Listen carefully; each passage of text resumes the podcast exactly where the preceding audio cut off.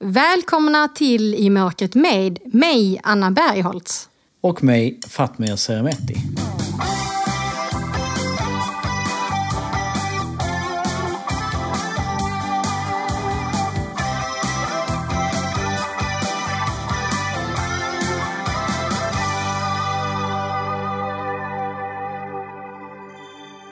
Välkomna eh, och kul att vi sitter här igen, jag och Anna då. Eh, och eh, fantastiskt roligt att du fick Magdalena Ribbing-priset. Alltså vilket erkännande för all det liksom, arbete du har gjort för personer med funktionsnedsättning och, och lyfta liksom, våra rättigheter. Alltså det måste kännas stort, eller? ja, och det är så här, du har väl fått den frågan många gånger. Eh, hur känns det? Alltså det är så underbart att få, att få äntligen få vara på denna sidan micken och få ställa den frågan. Ja, precis. Ja. Nej, men det är, alltså, de ringde ju till mig i slutet av sommaren. Eh, det var en lördag, jag satt hemma och käkade lunch eh, och så började en kvinna prata om, ja, jag är släkt Magdalena Ribbing och hon var ju känd för att jobba med eh, vett och etikettfrågor. Men har ju också jobbat som politisk eh, reporter på Dagens Nyheter en gång i tiden och brinner ju för mänskliga rättigheter. Så då fick jag reda på att jag skulle få det här eh, stipendiet. Jag hade ingen aning om att det fanns. Och jag bara, hur vet ni vem jag är? Och vad jag gör? Det är lite som man jobbar på liksom. Ja men eller hur. Och, alltså, det som jag tycker är så spännande det är just att alltså, det är en så stor eh, liksom, tidning och sådär som också skriver om det och lyfter det. Och eh, att, att det liksom ändå finns folk som ändå uppmärksammat faktiskt allt det du har gjort. Eh, hur känns det liksom att, att veta nu att det du gör eh, syns? Jag har jobbat i snart 20 år eh, som journalist och, och, föreläsare och entreprenör och så eh, med frågorna. Och, och jag blir ju så väldigt glad eh, när det just är att man lyfter frågor om funktionsnedsättning. Men varför gör du det Hanna? Alltså så här, okej, okay, eh, det är häftigt och underbart att få priser och sådär. Eh, sen, sen, är det liksom, du, du, visste inte ens att du skulle få det här. Nej. Så du har liksom inte ens jobbat för att få något pris. Nej. Men varför gör du det här arbetet? Alltså varför jobbar du så hårt med, med de här sakerna? Ja men det är ju både för att jag tycker att eh, det är väldigt roligt. Eh, men någonstans så är det ju också att jag tycker att saker och ting är orättvist.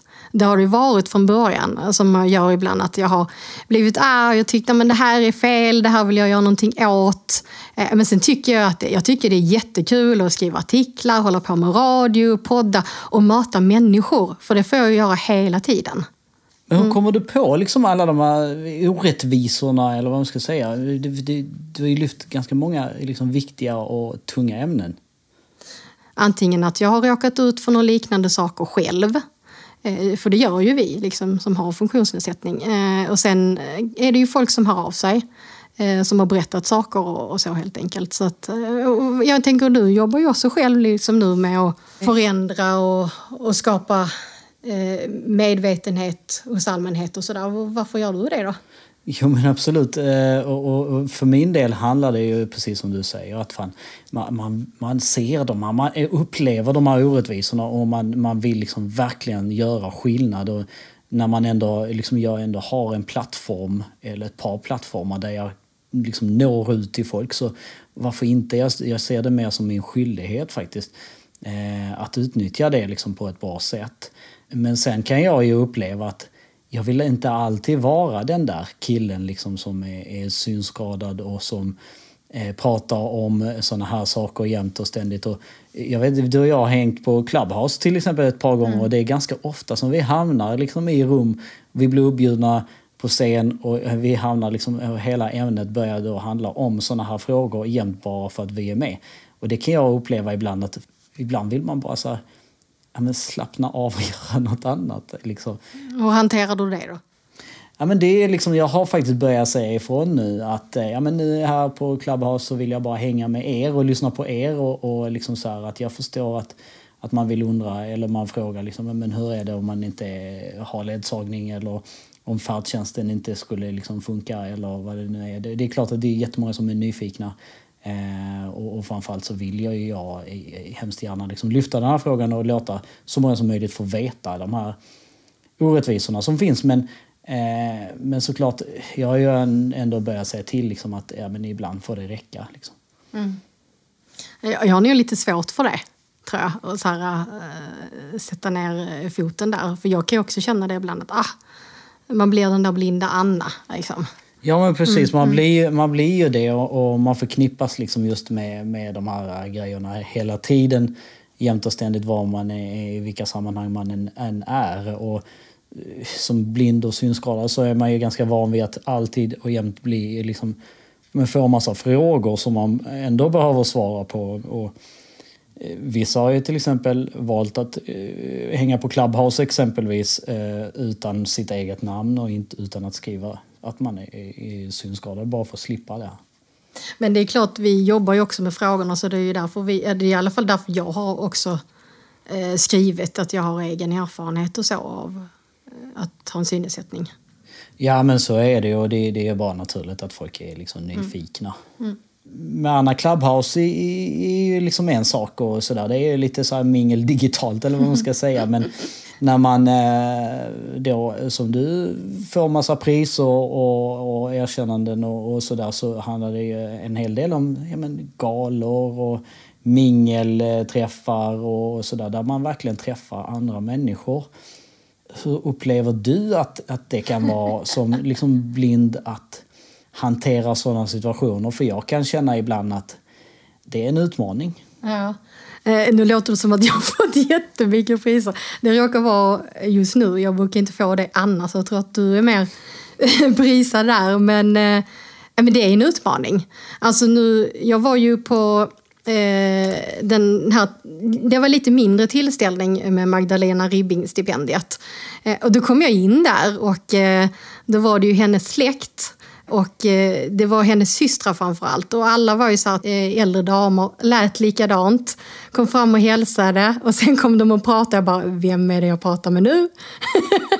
Eh, ja men du vet, ja, känner det, du igen det? Jag känner igen det absolut och, och det, det, kan vara svårt och framförallt när man är i så stora sammanhang, ja, men exempelvis konferenser eller eh, sådana stora mottagningar liksom, där, där det är jättemycket folk och framförallt om jättemånga kommer fram och, och, och hälsar och sådär. Så kan det ibland vara, eh, alltså där, där väljer jag ju faktiskt den som följer med med omsorg och det är inte av liksom elakhet eller på något sätt utan den som faktiskt är bäst på att hjälpa mig att mingla. Att vara liksom mina ögon där det behövs. Eh, så hur gör du där egentligen? Alltså hur tänker du när du ta med någon. För oftast på sådana här mm. galor och sånt får man ju ta med folk. Nej, men jag försöker också tänka på, det är mycket också så att jag modererar konferenser ibland. Eh, och då måste jag också ha koll på föreläsarna som ska upp på scen. Det kan vara att jag måste springa och få tag på någon, så då behöver jag en ledsagare som kan känna igen folk och leta upp den där människan i ett eh, folkvimmel. Men sen har det faktiskt också hänt att jag har valt att åka på tillställningar på egen hand. Och det är också för att jag vet inte hur du upplever det, men att jag upplever ibland att när jag kommer med en ledsagare, nu pratar jag mingel och festligheter då, så kan det bli så lätt att folk tror att ja, men det är min kompis och vi hänger ihop. Och så pratar man inte lika mycket eh, med mig och, och så med oss, liksom, för att man tänker att ja, de där har varandra. Eh, så jag vet att jag vid ett tillfälle åkte iväg eh, och då var det ett mingel för massa föreläsare. Jag tänker, jag åker själv då, jag var skitnervös. Eh, men jag tänker, där är ju massa folk så jag får, liksom, ja, men jag får ta det som det kommer. Och så kom jag in där och eh, då hade jag sån tur, det var ett hotell och så eh, vid receptionen där så eh, sprang jag på Claes Smith Sara Lund som du säkert känner till från eh, ja, Malmö. Absolut, ja. som har varit gäst i podden också. Eh, och Sara Claes är ju ganska känd föreläsare. Eh, klär sig i kvinnokläder och jag liksom, vi, vi började prata med varandra där och så hängde jag liksom på honom in så jag hann inte vara länge ensam. Så, så löste det sig eh, då och han tyckte det var så bra för han bara ah, det är jättebra för jag är så dålig på att komma ihåg folks namn. Och så har jag träffat dem förut och nu presenterar du dig dem för dig så då har jag koll på dem nu genom dig. Liksom. Nej men så är det ju oftast eh, när, när, man, när man är själv. Eh, men det är klart att till, till våra lyssnare som kanske sitter lite grann och funderar på så här, ja, men hur, hur ska man bära sig åt eller vad gör man egentligen? Mm. Och, och, det kan jag ju säga att eh, det gäller egentligen bara att våga ta det där steget för det finns alltid någon hjälpsam eh, person, någon liksom som genuint är intresserad av att veta vem du är. Och så har man liksom börjat skapa sig ett nätverk och, och lära känna andra mm. människor. Eh, så att, att, våga ta det där steget och åka själv på en konferens eller åka själv på eh, en, ett, en nätverksträff eller vad det nu kan vara. Det är, det är ett stort steg. Och ska man ha då någon med sig som ledsagare, då gäller det verkligen att ha med sig någon som eh, kanske inte tar för stor plats. Om det är dig det handlar om, om det är liksom du som är där för ett uppdrag eller vad det nu är så ska det vara någon som är smidig nog, som, kan, som är en superminglare men ändå har den där förmågan att kunna blända in i bakgrunden när liksom, eh, vad ska man säga, jobbet är klart och liksom presentationen är skedd och sådär och du har fått kontakt med den du behöver få kontakt med. Mm. Eh, jag tänker de som är seende då, om de skulle springa på någon då på ett mingel, en person som har vit käpp till exempel. Vad, vad, vad ger vi för tips till dem då?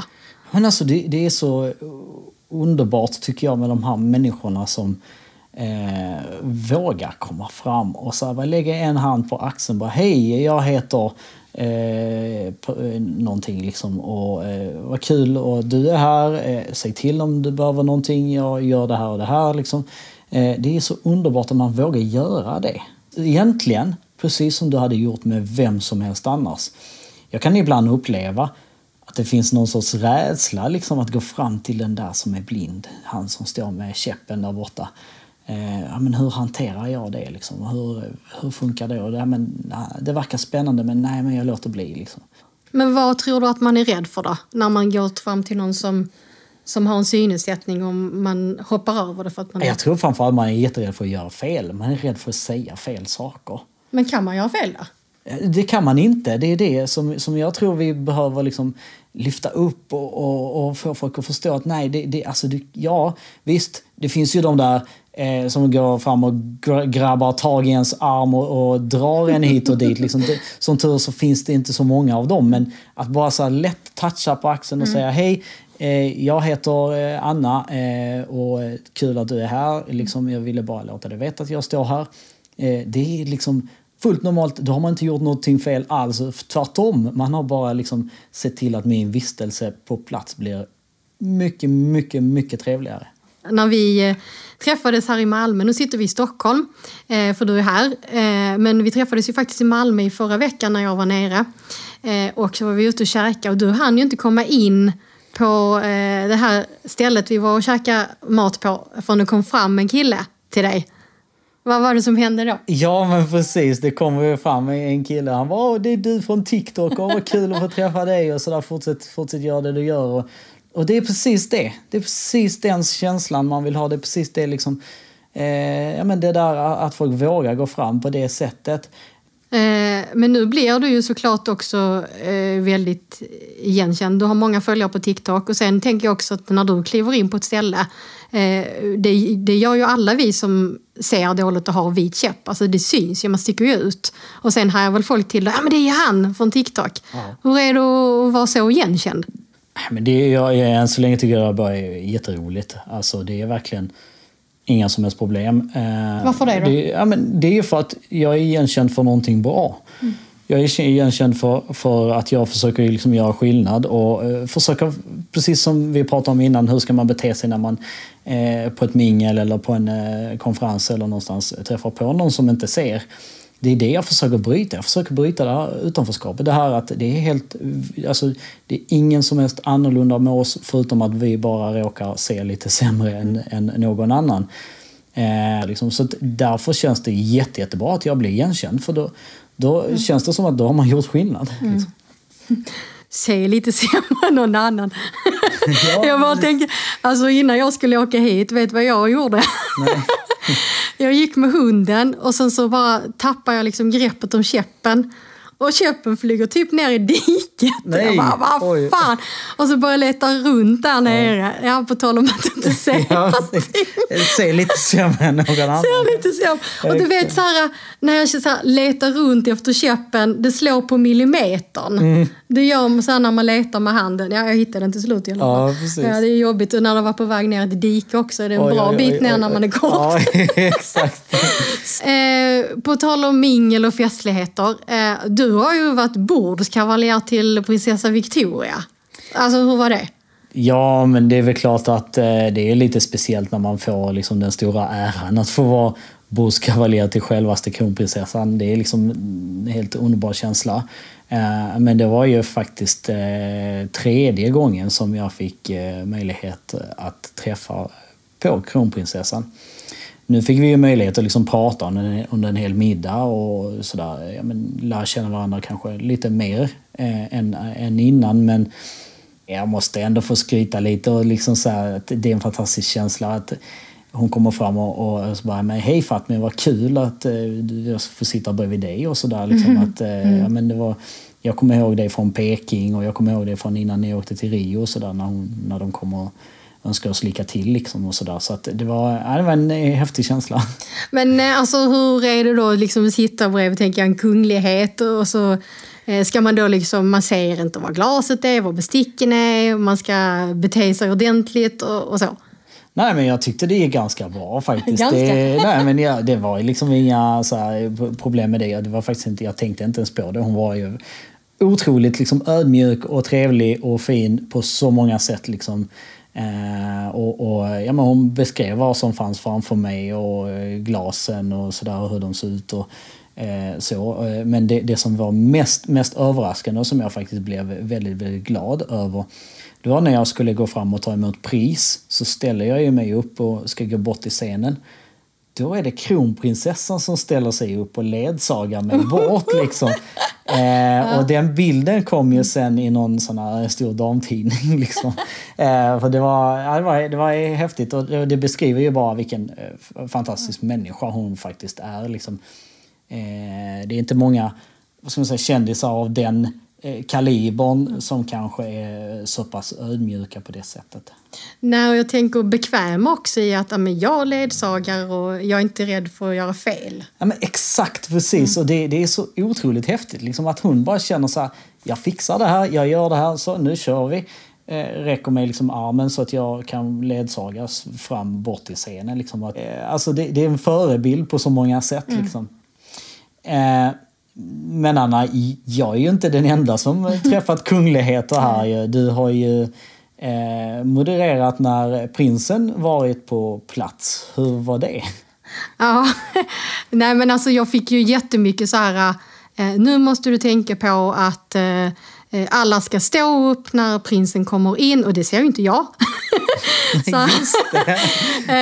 och sen får du inte säga du till honom och sådär. Eh, Men det gick ju bra. Men det var lite kul sen för att sen i, i pausen då, då eh, fick vi ju gå iväg några särskilt utvalda då och sen fika med prinsen. Eh, och då kom han fram och så tittade han på mig och sa jag måste bara fråga. Alltså du höll ju tiden så bra, det måste man ju göra som moderator. Men han undrar ju hur gör du det? Eh, så då fick jag visa min klocka. Ah, just det. Eh, och så öppnade jag locket då, för jag har ju en sån här taktil klocka då som man kan öppna och känna då vart visaren står och så. Och då undrar jag, men flyttar du liksom inte på visarna då? Eh, eh, för det är ju lätt att komma åt med fingrarna då, kanske tänkte han. Men det, det gör man ju inte, det vet ju vi. Liksom, man är ju van vid att känna Ja. väldigt lätt. Eh, så. Ja men det är spännande. Men just det där, de faktiskt är mänskliga. De är Ja. precis som vem som helst och Ja. sådär. Såklart, ja. Eh, och, och jag vågar ju till och med så här skämta lite med kronprinsessan. För hon frågar, ja men vad händer här i eftermiddagen? Vad ska ni göra? Jag bara, det är väl efterfest på eh, palatset va? Hon bara, Åh, säg inte till någon säger hon. Ja, Så här, lite så här på skoj. Så vi kunde ändå dra lite så här skämt med varandra. Och det, det var liksom, ja men förklara liksom att de är mänskliga och, och Mm. tycker om samma saker som vi gör. Ja, och jag tänker att det är väl det som är det intressanta när vi pratar om det här också. För här sitter vi och tänker, vi vet att det är en del som blir osäkra och möter oss som är blinda. Och vi kanske, åh, möter någon som är kunglig. Alltså Ja, vi är ju men människor exakt. allihopa. Ja.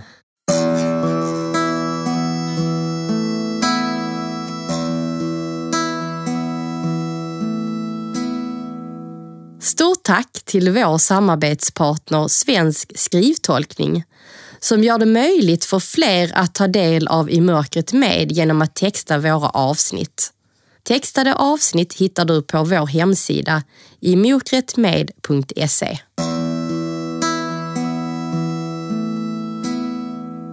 Eh, vad har annars hänt sen sist då, vi poddade? Ja, det har väl hänt en hel del kanske. Jag har gjort fler TikToks, jag har jobbat massor och sen eh, den 24 oktober var det ju också eh, World Polio Day. Eh, där en, en dag där man uppmärksammar liksom, eh, alla poliofall i världen eh, och där man försöker liksom, på olika sätt att samla medel för att eh, vaccinera mot polio. För att faktum är att blir man vaccinerad mot polio så, så blir man inte förlamad, annars blir man det. Eh, och eh, jag är med i en organisation som heter Rotary och eh, jag har en vän som heter Ariola, hon som fick mig att börja TikToka. Eh, vi brukar göra lite så olika utmaningar och då kom vi på en utmaning där vi skulle springa 3,5 kilometer varje timme i 24 timmar då i syfte att eh, eh, samla in pengar eh, till just den här poliovaccinationsprogrammet End Polio Now. Eh, hur långt är det då? Alltså 3,5 kilometer i 24 timmar? Det är jättelångt. Eh, det, är, eh, det var ju lite mer än 3,5 kilometer, liksom den slingan som vi hade valt ut. Så totalt landade vi ju på 86 kilometer på 24 timmar. Mer det, än två maraton? Det är mer än två maraton, ja precis. Det är det. Eh, men när man tänker efter, visst vi var jättetrötta, sömnbrist, ont i kroppen, ont överallt, frös som, alltså jag vet inte, jag har nog aldrig frusit så mycket. För du vet när du väl har sprungit, kommit upp i 3,5 kilometer, nu är du varm och god, kroppen funkar och sådär. Sen ska du sätta dig ner och vila lite tills nästa timme börjar. Du hinner bli kall och eh, stel och sen börjar det igen liksom. Hur länge vilar ni emellan? Ja, men det är alltid från liksom, vissa rundor tog vi på kanske strax över 20 minuter. Vissa sen på slutet gick ju upp emot 30-35 minuter, liksom, det tar ju längre, längre tid. Eh, och sen resten vilar man ju och sen börjar man prick nästa timme igen. Och så gör man det i 24 timmar. Men eh, allt det till trots, så när, när, vi nu har fått siffrorna liksom i efterhand och ser att eh, för att vi sprang i 24 timmar eh, så betyder det att 550 barn kommer att kunna fortsätta springa resten av sitt liv liksom, och slippa polio. Eh, då, då, känns allting väldigt, väldigt värt det. Ja, ja nej, men det, det, är ju fantastiskt. Och det är ju lite roligt här för när, när vi poddade sist hade du ju precis sprungit Stockholm Marathon och typ att nu ska jag vila och sen så på det här då. Det är klart att det var lite olyckligt att det kom så tätt in på efter ett maraton för kroppen var väl kanske inte fullt återhämtad och så men men det gick ju och mm. vi, vi, jag lyckades liksom springa alla 24 varv. Så det, och lyckas med ännu en grej liksom som, som jag kommer bära med mig resten av mitt liv att jag klarade det. Ja, och sen också göra det för en riktigt bra grej, att fler kan få vaccin. Ja, men såklart. Bara tanken av att 550 barn som kanske annars hade riskerat att få polio eh, nu kommer inte behöva det. Bara det liksom gör det hela värt att det är väl klart att den tanken slog ju mig eh, mer än en gång där på slutet, mm. liksom, att vi kör liksom, för dem. Jag tänker också, då ska man också vara medveten om att det här är ju att få polio i andra länder som inte har det så bra som vi ändå har det i Sverige. Även om mycket behöver bli bättre här så när man har en funktionsnedsättning i vissa andra länder är det betydligt tuffare. Vad har du gjort sen eh, vi poddade sist då, Anna? Ja, eh, jag har ju också jobbat och så precis som du och eh, jag har faktiskt utbildat Boverket i hur de kan bli bättre på inkluderande kommunikation och syntolkning. Vad säger ja, du om det? Ja, spännande! Uh -huh. Oj, ja. Det låter ju faktiskt eh, väldigt välbehövligt om man säger så. Eh, det är väl klart att det är de som lägger fram massa riktlinjer och sådär också så det är väl bra att de har koll på det. Eh, känner jag. Grattis och bra jobbat måste jag ändå säga. Ja, nej, men det, det är jättebra att de tar det initiativet. Det är ju, myndigheterna har ju eh, lite andra lagkrav på sig nu sedan förra året. Eh, att man ska vara tillgängliga när det gäller webb och det digitala och så.